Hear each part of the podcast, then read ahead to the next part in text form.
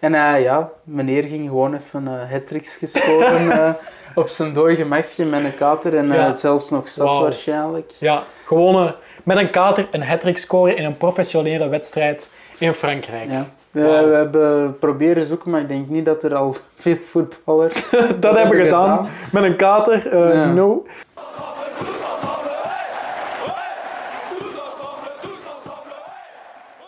De interlandwedstrijden zitten er weer al op.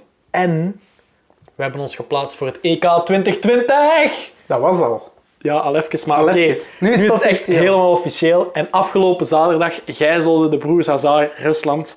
En lieten de duivels achteraf ook nog eens Cyprus meer op FC de kampioenen lijken dan op de wereldploeg die ze echt zijn. Welkom opnieuw bij de Tous Ensemble voetbalpodcast. De enige voetbalpodcast die op de hoogte houdt van wat onze Belgische voetballers in het buitenland allemaal uitsteken. Robin is hier terug bij mij, zoals usual.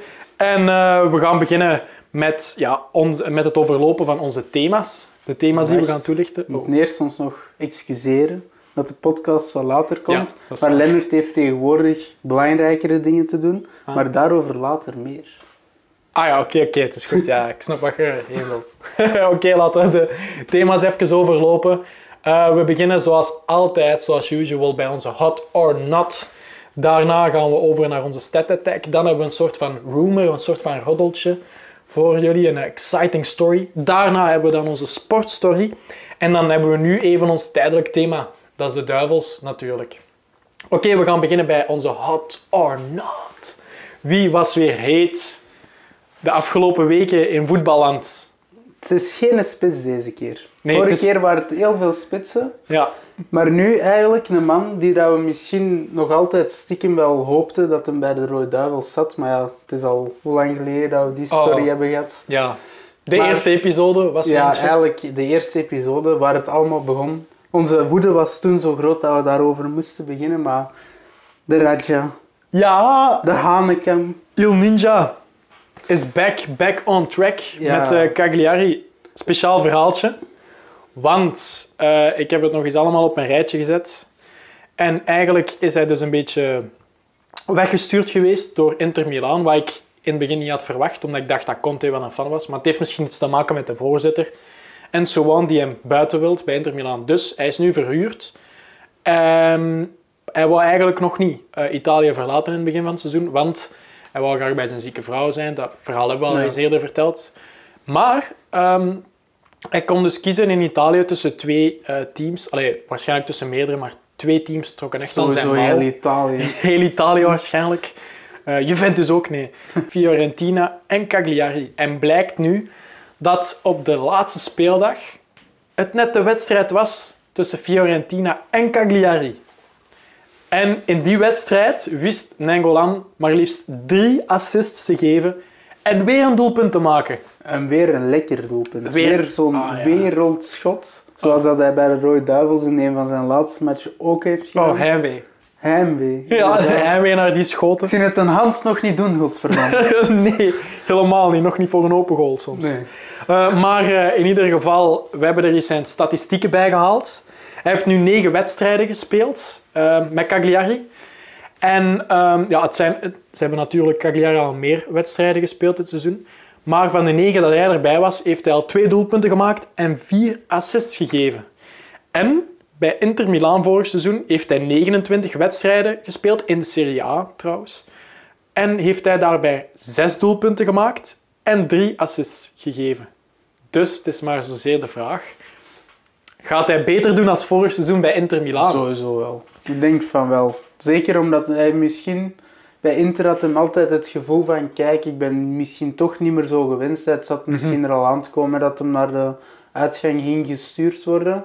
En ik denk dat hem nu ook gewoon terug, nu bij zijn oude ploeg van vroeger zit, dat hij terug het voetbalplezier heeft gevonden. Ja. En dat dan, denk ik, de resultaten ook sneller komen, Ja. naar mijn Ja, er waren ook eh, een aantal clevere kerels die tegen mij zeiden van ja, maar in het begin was Cagliari toch niet goed en ze hebben zo wat moeten zoeken. Maar ik ben dan eens gaan kijken naar de statistieken en blijkt dat Cagliari tot hun eerste twee wedstrijden van in het begin van het seizoen niet meer heeft verloren. En in die eerste twee wedstrijden was Nengolan geblesseerd.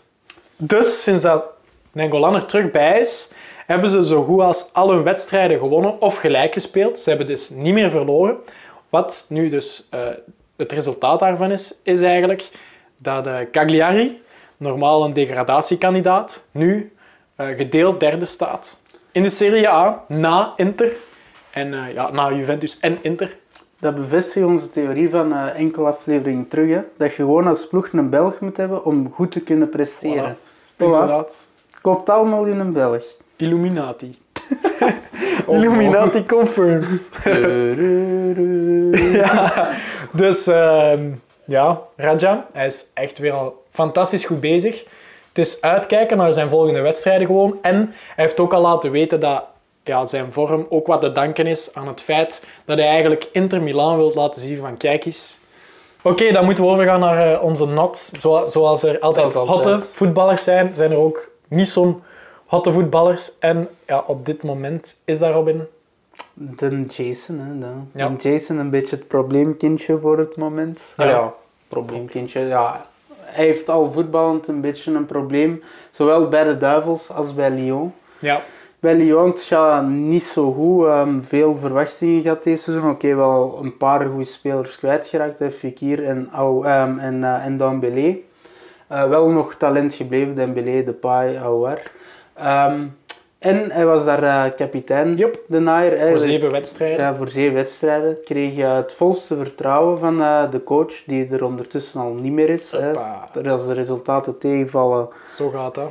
gevallen ze als vliegen. Hè. Genk, Tottenham, allemaal een trainers ontslagen de afgelopen tijd. Inderdaad. En ja, de Jason gaat er dus niet goed mee, want hij is zijn aanvoerdersband ondertussen kwijt. Nieuwe coach, yep. nieuwe wetten, nieuwe... Ja kapiteins blijkbaar. Eh. Inderdaad.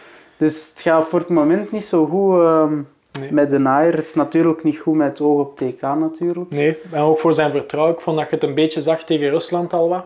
Ja, een beetje twijfelend. Ja. Soms een interceptie is niet zo de krachtige ja, verdediger, ook... de snuggere verdediger ook. Nee, vind ik ook. En uh, ja, soms ook zo een beetje te bruut of zo te snel. Ja, misschien te hard willen bewijzen van ik ben toch nog iets... Allee, ik, ik heb het nog in mij, maar dan iets te hard willen proberen waarschijnlijk en er iets te overgaan.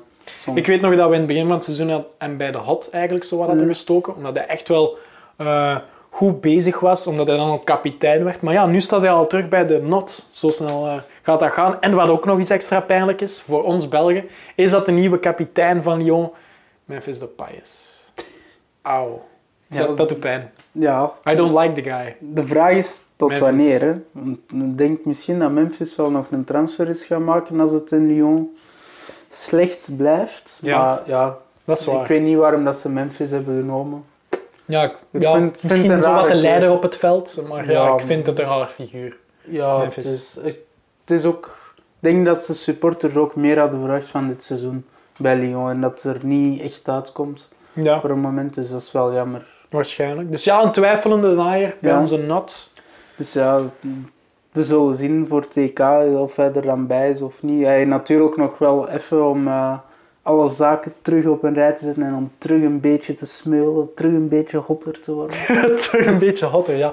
Het is, het is te hopen natuurlijk, hè, want uh, onze verdediging, ze vallen als vliegen. Hè. Ze raken allemaal wat geblesseerd, worden toch uh, altijd een dagje ouder. Dat is raar om te zeggen in het voetbal, maar uh, ze zijn toch al wel wat ouder. Dan gaan we hier bij dat thema al afsluiten. Dan gaan we gewoon over naar het volgende thema en dat is onze stat attack. Ja, ja. Mooie en, statistieken. Ja, we hebben gewoon allemaal allerlei uh, statistieken opgesomd um, die dat de Rode Duivels hebben gehaald uh, deze ja, EK-kwalificatieronde natuurlijk. Hè. Ik ga beginnen. Um, en uh, we gaan kijken naar ja, de topschutter, nog altijd, bij de Rode Duivels. Romelu Lukaku die heeft ondertussen al 52 doelpunten gemaakt voor de Rode Duivels. Hij is nog altijd daarmee ja, topschutter aller tijden. Maar wie dat nu ook komt piepen, is uh, Eden Hazard. Die staat op de tweede plaats met 32 doelpunten. Ja, een van de beste kwalificatiecampagnes ooit gespeeld. Hè. Vijf goals, zeven assists. Dus uh, dat is mooi, Hazard zijn rendement begint ook meer en meer te komen bij Nationaal Ploeg. Dat is mooi om te zien. Ook al ja, bij Real Madrid komt er nog niet uit, maar het is wel goed dat het bij de Rode Duivels wel... ja goed Het komt loopt. wel. Het is natuurlijk wel een wereldploeg natuurlijk. Ja. Dat kunnen we van Real Madrid. Nee, oké. Ehm, nee, het is, het is gewoon te zien dat we eruit komen met onze spelers. Dat niet ook alleen van Romelu Lukaku Nee. en Hazard afhangt. Niet zoals bij Engeland. Nee, voilà. Van we zien Kane, nu topscorer in de kwalificatie. Deze editie was Harry Kane, 12 doelpunten. Ja.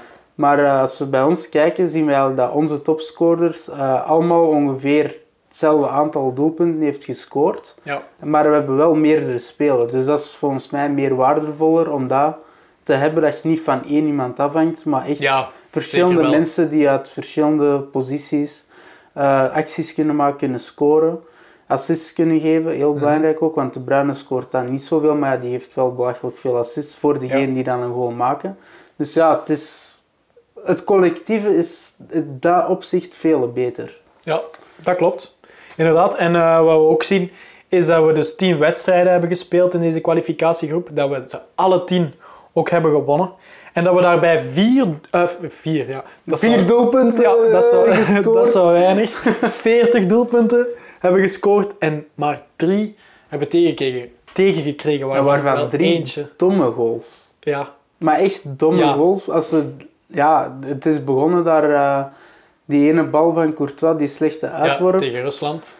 Ehm, dan ja, tegen nog eens Rusland was het ook, ja, denk dat de focus daar al wat weg was, Ja. wat dat ook wel begrijpelijk was. Het was Spijtig eh, wel, Ja, ja. het is wel spijtig inderdaad. En dan tegen Cyprus ja, ook gewoon oh, een, ja, Stomme goal, een iets B-ploegachtig type van eh, team Ja, dat daar stond. Zeven ja. wissels. Dus. Dus het is jammer van die drie tegendoelpunten, maar ja, als we kijken naar ja, de rest eh, van de kwalificatiecampagnes, ja, dan was deze gewoon een heel topcampagne. Ja. Nog nooit heeft denk ik een land 40 op 40 gehaald.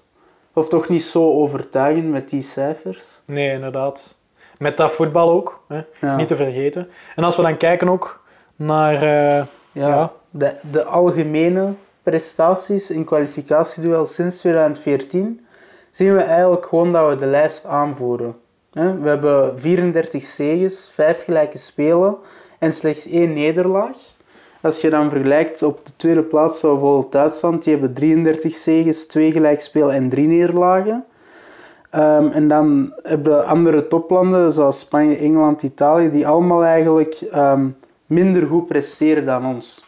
Dus op dat opzicht, onze eerste plaats op de wereldranking, ja, is in dat opzicht zeker terecht volgens mij. ja, dat vind ik ook. Dat zijn wel echt indrukwekkende cijfers. Ik kan me nog zo goed herinneren dat als we tegen Duitsland speelden of, of iets dergelijks, of, of gewoon tegen kleine ploegen ook zelfs, dat we niet wisten het spel te maken, dat we echt met de bibber tegen die ploegen speelden. En als we nu die cijfers gaan bekijken, wauw, dit is echt fantastisch. hè. Hier moeten we echt gewoon zoveel meer van genieten en zoveel Ja. minder kritisch zijn als we dan zo eens een stom tegendoelpunt krijgen tegen Cyprus. Dat we er zo eens mee lachen. Allee, dat heb ik uiteindelijk ook wel gedaan, maar we moeten er veel meer van genieten. Snap je? Deze generatie, dat, dat gaan we nooit niet meer hebben, denk ik. Nee, het is Zoals denk het is heel gebeurd. uitzonderlijk. Wauw, het is echt fantastisch. Het is, ja, het is echt om trots te zijn gewoon. Hè. Je bent trots op, je, op, op de ploeg, op de spelers en gewoon op je land. Hè. Maar wat we ook wel natuurlijk zien is dat kwalificatie niet alles is. We zien bijvoorbeeld Portugal, die staan ergens ehm achtste op die lijst. Ja. Die hebben een veel slechtere kwalificatie sinds 2014 gedaan. Maar als we dan op de groot toernooi gaan Ja. kijken, Portugal heeft al een EK gewonnen en heeft de Nations, League gewonnen. Voilà. Dus het is wel wat dubbel. Hè. We hebben ook niet altijd de moeilijkste tegenstanders gehad. Mhm. Ja, daar komen nu vragen over hè, natuurlijk. Hè, want op het EK gaan we sowieso wel eens Ja. tegen een topper moeten komen. Hè. Ze zijn allemaal geplaatst, alle toplanden. Ehm, de vraag is natuurlijk nu, moeten we gaan oefenen tegen een topland, ja of nee? Dat is een, Voilà. dat is een goede vraag die dat nu... eh, Velen willen van, Ja. velen willen wel natuurlijk. ja, maar de spelers willen het wel. Hè. Ik heb het in de media gelezen. Ja, maar eh, ik, had het, eh, ik was eh, toevallig op de persconferentie, maar daar zeg ik straks wel ook iets meer over. Ja, toevallig. Toevallig. Hij, hij liep er rond en Ja. dacht, oh, hier, een er persconferentie Oh. van de Roberto. Nee, Eden. nee, de vraag werd gesteld aan Eden Hazard door Peter van den Bemt van ehm, of dat hij graag tegen een topland zou willen spelen of en welk land dat, dat dan precies zou Ja. zijn. Omdat hij dat eerder al had gezegd, Eden Hazard, dat hij dat wel zou willen. En dan had Eden gezegd zo van, ja, het maakt mij toch niet uit en zo. Omdat hij waarschijnlijk eh, kletsen had gekregen van Martinez. En niet de coach zou willen tegenspreken. Dus ja, de spelers zouden het wel wel willen om eh, ja, in die oefenwedstrijden toch iets te gaan forceren. Maar oh, uiteindelijk, ik wil ook niet zo de koning worden van de oefenwedstrijd. Ik kan me nog altijd herinneren, zo eens een, een gekke wedstrijd tegen Frankrijk of tegen, of tegen Nederland. Een eh, gekke oefenwedstrijd In dan. Frankrijk was dat toen die gekke, maar ik denk dat het toen Ja. 4-4 of zo was, of 3-4. 3-4, Ja, zoiets. Ja, die stijl, het was echt een gekke match. Maar ja, later verlies je er dan wel van eh, op een WK. Dus ja, dat wil je dan toch ook niet zijn. Hè. Je wilt Ja. niet zo de koning zijn in de oefenwedstrijden, zoals we dat vroeger wel eens waren. Hè. Dat werd ook veel gezegd door andere bondscoaches dan. Dus ja, ik begrijp ook ergens wel Martinez, maar ik begrijp ook dat je... Ja, je, je wilt wel eens echt een topmatch, u, u meten met een topland. Ja, want nu weten we totaal niet waar dat we staan. Hè. Als Nee. we nu tegen een topland zouden spelen, ik zou niet kunnen inschatten, doen we het dan even goed? Krijgen we Ja. het deksel op de neus? Het is, het is lastig. Ja, met die ou- iets oudere verdedigers, minder snelheid. Dus het is te zien hoe Ja. dat, die toplanden dat tegen ons zouden uitspelen. Maar ja, ik snap ook, Martinez heeft ook al eh, meermaals gezegd van ja, ik wil mijn tactiek op het EK aanpassen aan de tegenstander. En als we nu tegen een topland gaan spelen, Mhm. dan heb ik schrik om die tactiek al wat prijs te geven. Zoals Rusland nu eigenlijk perfect weet hoe dat we spelen. Ja, dat is gevaarlijk. Dus dat is gevaarlijk. Ehm langs de andere kant, ehm, ik heb ook al hem horen zeggen, ah ja, we gaan sowieso wel tegen Qatar oefenen. Hè. Ja, Ja, logisch, voor het hè. geld. het geld en mogelijk WK-tegenstander. Het volgende WK Mhm. is in Qatar. Ehm, en hij heeft ook al verklaard in de pers eh, afgelopen dagen dat hij graag een oefenmatch tegen Noorwegen in Noorwegen zou willen doen. Mhm. Om eigenlijk de match tegen Denemarken, want dat staat nu eigenlijk ook vast we tegen Denemarken moeten, om Ja. die match zo goed mogelijk te simuleren. Ik kan nu eigenlijk alleen maar zeggen, TK is begonnen. Hè. Ja. De voorbereiding start eigenlijk vanaf ja, sinds het laatste fluitsignaal. Tegen Cyprus, is dat begonnen. Hè. Yep. Dus ja, het is, het is spannend. Het is spannend. Het is echt Het is- enorm spannend. En het is ook over heel Europa. Ja, ik denk dat het weer één groot feest geworden Ja. deze zomer. Ja, Hopelijk. ik denk het ook. Eh, Ik denk dat het op die manier, doordat het over heel Europa is, het zowel zo wat WK kan evenaren, de WK-sfeer kan evenaren, Ja. maar dan in Europa. In Europa. Dus dat is wel heel tof natuurlijk. Hè. Dat is wel, het wordt echt... Sorry aan alle mensen die luisteren en toch niet zo fan zijn van voetbal. Je zult het voetbal niet kunnen ontlopen Ik denk in de zomer. Dat ook, je gaat op reis gaan, waarschijnlijk. Ja, juni, op reis in Europa en je hebt het En aan je benen. het- Ja, het citytripje naar Londen, halve finale. En Hou. finales is daar, hè. Ja, dat wordt eh, een overrompeling. Ja. Have fun! Oké, oké, dan, gaan- dan gaan we gewoon over naar onze juicy roddel. We hebben een, Mm, echt een mm. lekkere roddel gevonden. Echt een prachtig verhaal. Ik denk, niet zo'n bekend verhaal ook niet. Nee, Het is echt, echt- het is nog niet opgeblazen geweest, dus wij komen hier echt zo wel met een nieuwtje zo wat. ja. Het is eigenlijk al een iets ouder verhaal. ja, het is al... Het goes way back, maar het blijft wel juicy als het echt Ja. waar zou zijn. Het is zo geweldig. Oh, maar we gaan jullie niet meer langer eh, in spanning houden. Ehm, het gaat eigenlijk over Eden Hazard. We moeten eigenlijk teruggaan in de tijd. Ehm Eden Hazard die, eh, speelde ooit eh, in Frankrijk, Ja. bij Lille. En eh, ja, op een bepaald moment is bekend geworden dat eh die naar Chelsea kon. En wat is er dan gebeurd, Robin? Ja, zoals elke voetballer wil dat dan feesten en vieren, hè, zoals de Patteren afgelopen weekend en dan vluchtmisdrijf. Maar dat is er niet gebeurd.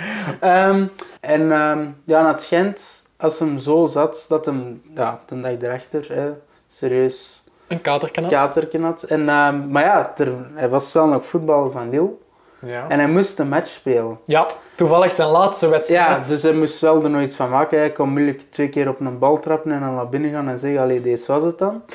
dus Hazard was C, Hazard, ah ja, met mijn kater en eh, misschien nog zelfs dronken, dat Ja. weten we zelfs niet. Ja, hij kwam dus terug Ja, eh, in het kwam- spelershotel en hij zei: Oh ja, ik ben weg geweest, ik moet niet zoveel niet meer slapen, zei hij tegen de staf. Het was toch zijn laatste wedstrijd. Ja. En eh, ja, meneer ging gewoon even uh, hat-tricks gescoren eh, op zijn dooi gemakje met een kater en eh, zelfs nog zat waarschijnlijk. Ja, gewoon met een kater een hat scoren in een professionele wedstrijd in Frankrijk. Ja. We, hebben proberen zoeken, maar ik denk niet dat er al veel voetballers dat hebben we gedaan. Met een kater, eh, Ja. no. Ehm, ja, de quote komt eigenlijk van eh, Mavuba. Een, eh, ja, een ex-speler van Lille, een ex-ploegmaat ook natuurlijk, van Eden Hazard. En die was gewoon ja, mee gaan feesten hè, met eh, Eden Hazard. Er was een deel van de kern en die zijn zo wat vroeger gaan slapen.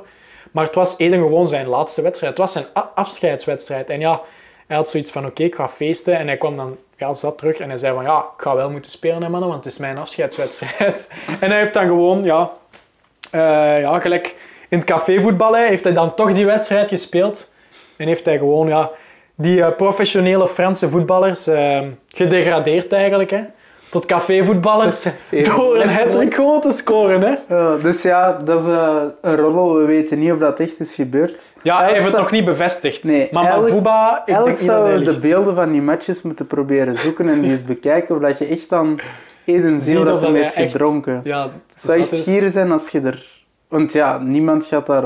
Op die moment, als je dat niet weet, denk ik dat je daar niet hard op let. Nee. Tenzij dat echt al moest opvallen. Maar volgens mij, ja, het zou wel grappig zijn als het Ja? echt zou zijn. En ja, maar voetbal gaat daar denk ik ook niet... over liegen, Nee, ja. nee, nee, nee. Dus, Eden eh, Hazard heeft dus vooral nog niet bevestigd. Maar ja, dat brengt mij wel, mij en Martinez misschien ook wel op ideeën voor eh, die eh, EK-finale binnenkort tegen Nederland.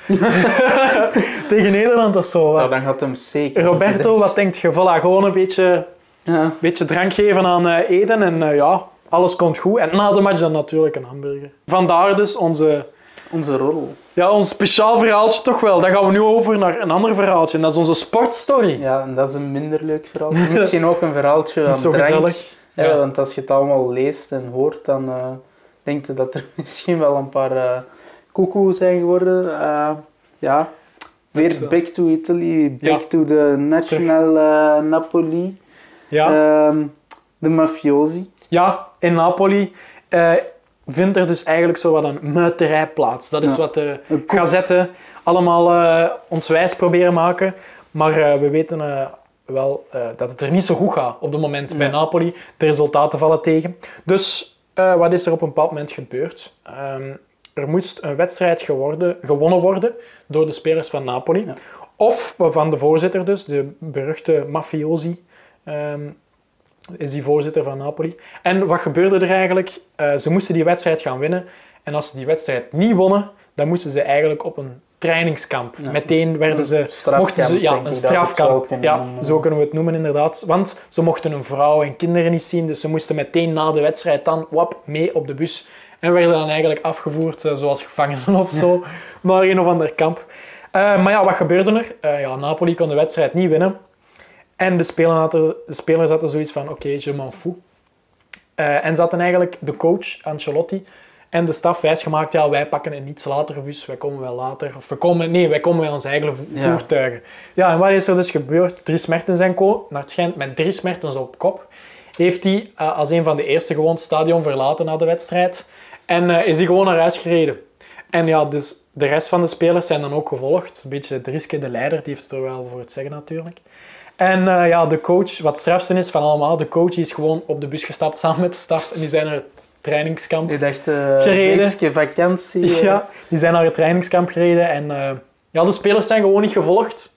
En sindsdien is het gewoon zware hel. Ja, het is een beetje oorlog tussen nu spelers, ultras en voorzitter. Ja, Ehm, er is eigenlijk al van alles gebeurd. Hè. Ehm, er is al door ultras ingebroken bij de spelers ehm, om ze te intimideren, om ze bang te maken. Mhm. Dat heeft ertoe geleid dat Koulibaly toch wel een serieuze beer, waar ik geen slag van wil krijgen, eh, zich heeft laten omringen door ehm, ja, bodyguards. Mhm. Ehm, er worden ook spelers genoemd die nu hebben aangegeven van kijk, wij willen de ploeg verlaten. En het zijn niet van de mensen. Hè. Mertens wordt genoemd, die zou naar Inter misschien kunnen gaan. Ja, Hè. Nog een bij extra Romelu. Belg bij Inter, bij Romelu. Perfecte En- en spitsen duo doen. Ja, Raja. nee, van Neuzen binnenkort. kan hè. eh, het kan allemaal. kan het kan allemaal. Callejon wil weg, eh Hissai wil weg, Alan wil weg. Ehm, ze willen eigenlijk allemaal weg. Ehm Insigne, zijn vrouw, is ook al ja, de stad uitgevlucht. Die zei van ja, eh zotte bende hier, ik ben hier weg. Dus ja, allemaal eh, niet zo'n fraaie dingen.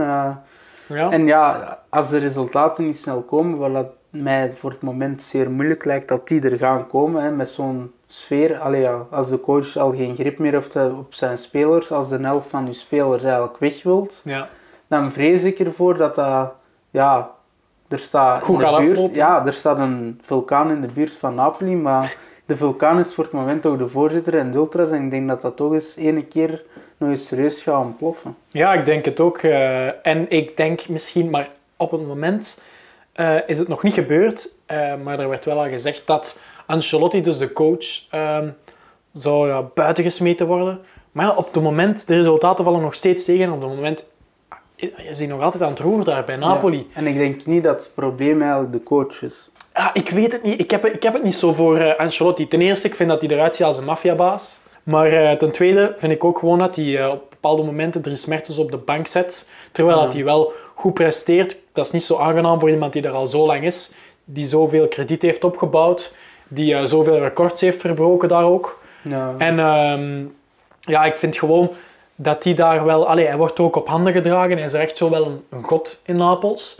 Um, en um, ja, dan vind ik dat je toch wel een beetje meer moet nadenken als coach vooraleer dat je zo'n icoon op de bank zet. Oké, als hij niet goed bezig is, dan is hij niet goed bezig. Maar ik bedoel nu, als hij in het weekend scoort en dan volgt er een Champions League wedstrijd tegen Genk bijvoorbeeld, laat hem dan gewoon starten. Wie weet uh, kan hij terug een doelpunt maken, neemt hij een Napoli op sleeptouw en uh, kunnen ze wel winnen van Genk. Want toen hadden ze 0-0 gelijk gespeeld. Dus ja, op zo'n momenten denk ik wel van Ancelotti, oké, je bent je eigen ruiten aan het ingooien. Dus ja, dat is zo wat onze sportstory. En uh, ja, dan is het eigenlijk een beetje een speciaal momentje, want uh, ik, uh, ik heb de afgelopen, nee, ik heb de afgelopen week, dus ben ik eigenlijk naar de persconferentie gegaan van de Rode Duivels. En daar zijn gewoon heel veel vragen rondgekomen. En die, die wil ik zo een beetje nu zo wat beantwoorden. Ik wil het hele verhaal... time! Schattig! ik, nee, ik wil zo wat het hele gebeuren kaderen. Want um, ik wil ook uh, de podcast zo wat afsluiten met een deel van een stemtest uh, die ik ben gaan doen. Uh, om ja, zo wat voetbalcommentator te spelen. Ik ben afgelopen weekend, nee, afgelopen weekend, afgelopen week naar de Rode Duivels gaan, gegaan voor een persconferentie bij te wonen. en hoe komt dat nu eigenlijk? Omdat ik stage doe bij Eleven Sports. Dat is een sportmediabedrijf eigenlijk. En mocht ik voor mijn stage even naar, uh, ja, naar de Rode Duivels, een persconferentie bijwonen. En ik had gewoon heel veel geluk, want op die moment uh, was Eden Hazard daar een persconferentie aan het geven en uh, Roberto Martinez ook. Daarna ben ik ook nog eens naar de training gegaan. En ja, ik vond dat wel een speciale ervaring natuurlijk. Allee, iedereen liep heel hard van stapel. Ook op mijn Instagram ik kreeg echt zo veel verhalen, allee, veel berichtjes van wow, wow hoe is dit allemaal? Maar ik moet eigenlijk bekennen, ja, je bent er een beetje als journalist en, en je bent echt zo wel daar om, dat is zo wat journalistenleventje, om echt zo quotes uh, te bemachtigen. Van ja, welke, welk antwoord gaat hij geven op, op uw vraag? Uh, uh, gaat die speler geven of die coach geven op uw vraag? En hoe gaat dat het mooiste zijn om, om te brengen online of zo? Uh, in, in de vorm van een visual video en in de vorm van content. Dus ik moet wel bekennen, ja, je bent er. Allee, ten eerste als fan, want ja, je ziet zo Eden Hazard met zijn dik gat uh, binnen, binnenwandelen. En uh, je denkt, wow, fuck, je denkt echt zo even zes seconden van, wow, wacht, dat is Eden Hazard, dat is een Rode Duivel, de kapitein, topvoetballer, en die speelt bij Real Madrid. Wow, wacht, en die zit nu twee meter van mij. En dan denk je van, maar wacht eens, dat is gewoon ja, een chille kerel.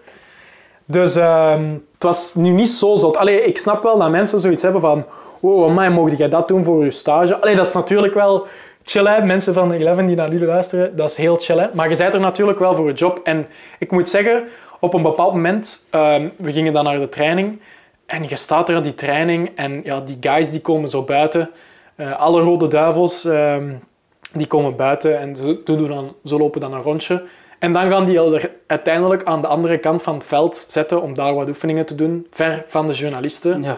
En dan, ja, en dan denk je gewoon ook zo van... Oké, okay, hier sta ik dan. Hè. Allee, ja, pff, ik heb het koud. Ik wil naar huis, snap je? Allee, ja, je denkt, ook maar, ja, je denkt ook maar van... Oké, okay, die gasten die doen nu ook maar al hun werk. Oké, okay, ja, dat, dat zijn multimiljonairs. Allemaal heel tof en zo. Maar ik wil ook gewoon uh, naar huis gaan. te slaat. Ik wil ook gewoon uh, thuis zitten.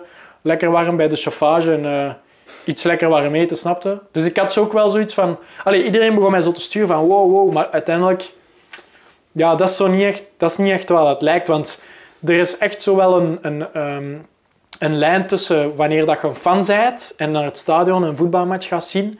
Oké, okay, dan zijn ze wel echt ver van u en dan kun je er niet mee in contact komen. Je kunt geen vraag stellen bij de persconferentie bijvoorbeeld. En ja, er is wel een lijn gewoon als je zo supporter bent of als je echt ja, journalist bent. Ik weet niet. Ik was, ik was er echt zo wel als, oké, okay, dit is mijn job. En we moeten zien dat het beeld goed zit of zo. Allee, daar had ik nu niet veel mee te maken, maar dat zijn zo wel van die dingen. Oké, dat is Eden. En allee, ik zat zo in die perszaal en ja, Peter van den Bemt had zich zo wat afgezonderd, want dat is zo de ja, OG van de journalisten, dus die mag dat, dat is kei cool. Eh, en ja, het is er ook zo echt vechten voor eh, ja, de, de microfoon eigenlijk, om een vraag te stellen. Want ja, niet iedereen mag een vraag stellen trouwens. Dus ja, naast de speler zit ook de perschef. De speler komt eigenlijk altijd in beeld, dus de perschef zie je misschien niet altijd. Dat is Stefan van Look. En die zit dan zo met zijn vingertje zo aan te wijzen van oké, jij, jij, jij krijgt de micro nu, jij. Of ja, die zegt uw naam, wat wel heel beleefd is, dat kan ook. Dus ehm, ja, het was nu wel een ontspannen uh, persconferentie, want het was voor de match van Cyprus, dus het was eigenlijk zo een feestje. Ik heb mijn vraag wel niet kunnen stellen, spijtig genoeg. Waarom? Omdat mijn Frans echt shit is. Dus ik durfde niet echt een vraag stellen aan uh, Eden Hazard. Ik dacht, ik ga door de mand vallen of zo. Maar ik wou het gewoon zo wat in het Engels uh, doen. Ik wou hem vragen eigenlijk of dat hij de DJ ging zijn na de match. Ja, ik wou gewoon zo'n chille vraag, snap ik? Ja, wou niet zo een, ga er nog wel een burgers eten, bla bla. Ik wou niet zo'n vraag stellen, ik ken het. Dus ik wou zoiets chill doen. Maar ik heb het uiteindelijk dan toch niet gezegd. En ik wou ook een vraag stellen aan Roberto Martinez, maar dat was een, al, een andere journalist met mijn vraag gaan lopen. Oh, dat is fucked up, man. Maar bij Martinez zou ik het wel stellen, want dat was in het Engels. Ja, maar ja, je bent er stagiair. En ik had ook eigenlijk al zo met mijn uh, begeleider zo wat afgesproken um, van dat ik geen vraag ging stellen. Omdat ja, je bent er in naam van Eleven Sports, in naam van, het in naam van de brand. En je wilt niet door uw vraag of zo de geloofwaardigheid van uw brand schaden. Dus dat is ja, basically marketing. Um, dus ja, dat had ik ook zo wel wat. En uh, wat heb ik dan nog gedaan? Ah ja, en dan heb ik ook een stemtest gedaan. Um, dus ja, dat, was ook, dat heb ik ook gedaan bij Eleven Sports. Dus die hebben zo voetbalcommentatoren. Um, die dat uh, ja, na, uh, na acht uur of zo, als er een wedstrijd is, komen die naar Antwerpen en dan zitten die zo in een klein kotteke opgesloten. de beelden. Uh, ja, Gilles de Beelden gaat meestal live trouwens. Ja. We hebben nog analisten, dat is een van de analisten, ook Hein van Azenbroek.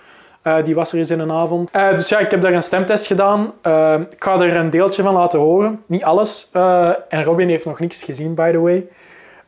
maar ik wil toch... De, luisteraars gaan ook niks zien? Nee, trouwens, ja, maar Robin gaat het wel zien. Ik ga, ik ga het, hij gaat echt zo de wedstrijd, ja. hij gaat de wedstrijd kunnen zien ja, met, met mijn klank erop. Dat is wel chill. Jullie, sorry, niet. Want dat gaat een podcast. Bij 100 likes laten we het filmpje nog zien. It's not gonna happen. Maar oké. Okay, uh, uh, ja, en dat was echt wel heel speciaal. Uh, zo voetbalcommentator spelen. Eh, het was wel even zo... Dat, dat, dat gaf mij eigenlijk zo meer een shock-effect dan, dan Eden Hazard zo wel ontmoeten. Ja, volgens mij moet je op die moment wel... Be Allee, je beseft denk ik wel dat je als je naar die match aan het kijken bent, dat je wel moet praten terwijl... Ja, maar dat, is ook het gevaarlijke. Ja. ja. Dus, ja, de ja, juiste momenten. Ja, ik wou eerst zo nog het wat inkleden, van, omdat ik uh, eigenlijk die kans heb gekregen van Jury. Als je luistert, ik weet niet of dat je gaat luisteren, maar... Uh, ja, dat was echt wel heel tof om te doen. Dat was eigenlijk het, het beste van heel mijn stage. Mijn stage is nog altijd bezig, maar... Uh, dat was eigenlijk echt het beste van heel mijn stage. Gewoon ook omdat ik echt die kans kreeg. Omdat uh, ik bij u een afspraak kon maken. En gewoon omdat je echt zei van, kom dat gewoon doen hè man. Ja, we gaan eens kijken hoe dat, dat zit. En ook gewoon de hele omkadering. Je hebt me echt 15 minuten commentaar, live commentaar... Ah, nee, geen live, sorry. Commentaar laten doen. En je hebt mij niet behandeld als, als een stagiair daarvoor. Dus daarvoor echt super dikke merci. En ook nadat ik mijn stemtest heb gedaan, zeg jij ook heel... Um, ja, heel secuur geweest. Uh, in, in, um, in uw feedback gaat een papier vast. Uh, voor- en achterkant stond volgeschreven met puntjes die je echt heel goed vond, die je dan wat minder vond. En dat vond ik echt super, allee, dat vond ik echt geweldig. Dat gaf mij een tof gevoel. En dus ja, ik, zal zo een paar dingen opnoemen die wel iets beter konden. Dus uh, ten eerste, ja, ik heb het daarnet nog eens bekeken. Ja, natuurlijk, je stress. En in het begin begon ik wel heel snel te praten was, wel, allee, was ik echt zo wel een locomotief. Gewoon omdat je zo wat stress hebt. Maar ja, nadien ging dat zo wel wat over. En ja, god, het is natuurlijk wel raar om jezelf zo bezig te horen, maar dat was oké, mijn stem is oké. Ehm, maar ja, wel als ik iets te enthousiast word, dan uh, komt mijn uh, dialect zo'n beetje boven. Dus ik zou sowieso stemtraining moeten volgen als ik hier iets ja, verder mee wil gaan doen. Ook zei Juri dat hij echt ja, echt toffe eh, accentjes uh, die ik in mijn, uh, in mijn inhoud legde, Vond hij heel goed. Hij vond trouwens mijn inhoud, by the way, echt top. Hij vond dat ik een topvoorbereiding heb gedaan. Wat heel leuk is om te horen, want ik heb geen ehm, diploma's in journalistiek of zo. Dus ik ben eigenlijk geen sportjournalist. Eh, dus dat is echt wel fantastisch om te horen van iemand die zoveel ervaring heeft eh, in de sportwereld en in de sportjournalistiek zelf. Ehm, zo zei dat ik ook echt een goede vakjargon had. Dat ik wist waarover ik aan het praten was. Ja, dat ik iets te veel uh zei, dat heb ik echt gemerkt. Dat vond ik echt super irritant aan mijzelf. Maar het probleem bij ui is, eens dat er iemand op let, blijft je dat horen. Ja, dat is het probleem. Dat is ook Dus- waar, dat is ook waar. En de echte commentatoren doen dat natuurlijk ook wel een beetje. Dus dat was niet al te storend. Maar ja, het is uw eerste keer en je weet zo niet waar je accenten Ja. moet leggen. Dat is Wat ook, Jury ook heel goed vond aan mij, was dat ik in het begin niet heel de wedstrijd heb vol, alleen niet, niet alles heb zitten volpraten. Ook stiltes heb gelegd op de juiste momenten. Dus ja, en dat ik ook ja, toffe woordjes heb gebruikt. Zo bijvoorbeeld, het was trouwens een wedstrijd tussen Real Madrid en Real Betis. Trouwens. En ik moet zeggen, aan die wedstrijd hing echt geen vlees. Het was echt een, het was een kutwedstrijd, sorry voor mijn taalgebruik, maar het was 0-0. En eh, er werd dan ook nog een doelpunt gescoord door Eden Hazard. En dat werd dan zelfs nog afgekeurd door de VAR. Dus dat was wel echt een fucking shit wedstrijd. Ik had gewoon zoveel pech. Ja, die wedstrijd die lag al vast. En dan werd die in het weekend gespeeld, bleek het 0-0. En dan ja, hebben die niet meer veranderd natuurlijk. Hier komt het stukje dan. Ja, eh, wij willen jullie alvast eh, bedanken Ja, weer al. om weer te luisteren. En ik ben En- blij dat eindelijk de intro en de outro is goed is gegaan. Yes! Na Oh, oh. 24, 25 af. Ja, dit is de 24e dus. Maar nee, nu ging het 24 goed. We gaan die lijn gewoon doortrekken. Wat denk je? Alleen nu wel onze deadline houden. Hè. Nu hebben de luisteraars moeten wachten. Drie dagen. Ja, ja, ja. Maar we hebben dat Maar ja, expres het, was, eh, gedaan, hè. ja, het viel eh, beter op deze manier. Ja. eh. Tuurlijk. En ook voor die EK-wedstrijden. Dus luisteraars, vergeet zeker niet te abonneren. te liken. Te Op het, commenten op ja, en zwoele commentaren. ja, op eh, onze Rode Duivels. Laat mij gerust weten wat jullie van eh, de stemtest vonden. Ik ga niet alles laten horen, want dan wordt misschien de podcast wat te lang. Ja, sowieso denk ik. En ehm, ja, ik ga ze fragmentjes laten horen. En eh, ja, oh, fucking spannend! dus oké, luisteraars. Alvast bedankt dat jullie er weer bij waren. Bij uh, Tous Ensemble. En tot de volgende. Robin, jij ook bedankt trouwens. Yeah. Oké, ik wil mij eerst verontschuldigen voor de iets mindere kwaliteit. But still, eh, enjoy. Goedenavond, beste kijkers. Ik heet u van harte welkom in het Estadio Bernabeu, waar ik, Lennart van de wedstrijd tussen Real Madrid en Real Betis van commentaar zal voorzien. Een wedstrijd tussen de nummer 2 en 16 in de stand. We maken ons wel op voor een spannende strijd, aangezien Real Madrid bij winst over Barcelona kan springen. En ook omdat eh, Real Betis hier vorig jaar heeft gewonnen met 0-2 van eh, Real Madrid. De scheidsrechter van dienst is eh, José Martinez. En er zijn eh, 70.000, eh, ongeveer 70.000 toeschouwers aanwezig. Dus de wedstrijd is niet helemaal uitverkocht. De spelers betreden het veld. We zien onder andere eh, Mendy, die de plaats in heeft ingenomen van Marcelo, Marcelo als linkerverdediger.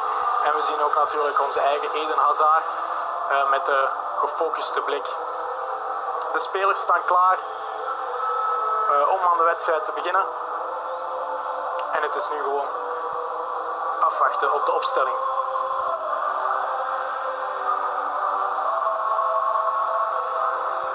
Vorig eh, seizoen wist dus Real Betis met 0-2 te winnen op Real Madrid. Het is dus uitkijken voor eh, Real Madrid om eh, niet terug te verliezen. Want het seizoen daarvoor won eh, Betis ook nog een keer op Madrid. De spelers schudden elkaar het hand. Als ook de scheidsrechters. En we gaan even de opstelling overlopen. Als we naar de opstelling kijken, dan zien we dat er toch een aantal dingen zijn veranderd. Zoals in de verdediging, Mendy de plaats inneemt van Marcelo. Modric ook op het eh, veld staat. En de aanval die blijft ongeveer ongewijzigd. Ehm, op de bank zien we dus Marcelo. We zien ook Valverde, eh, die eh, in de vorige wedstrijd wel mocht starten. En Vinicius, die dus niet start op rechts.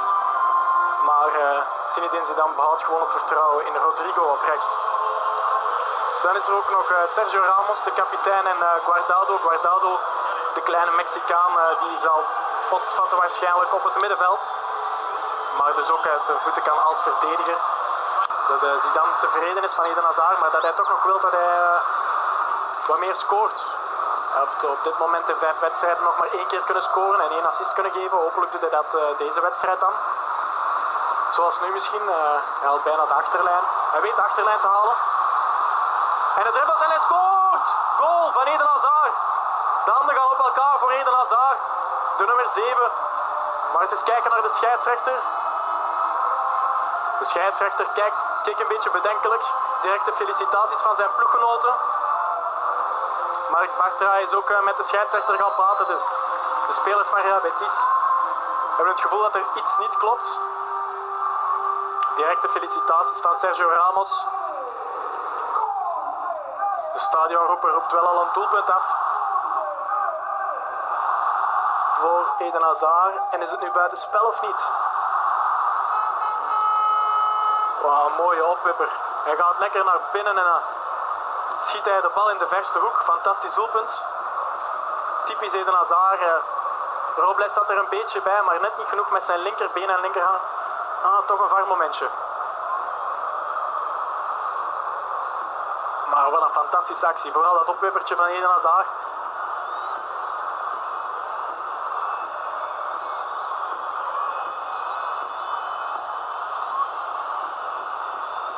Gaat de goal nu door of niet? De spelers van uh, Betis discussiëren. moment. Geen doelpunt, doeltrap. Geen doelpunt voor Eden Hazard. Toch niet zijn tweede in loondienst van Real Madrid. No goal, zegt de VAR. Dus dat zal dan wel een buitenspel geweest zijn. Het was moeilijk te zien voor mezelf. Spijtig voor Real Madrid en natuurlijk ook voor Eden Hazard.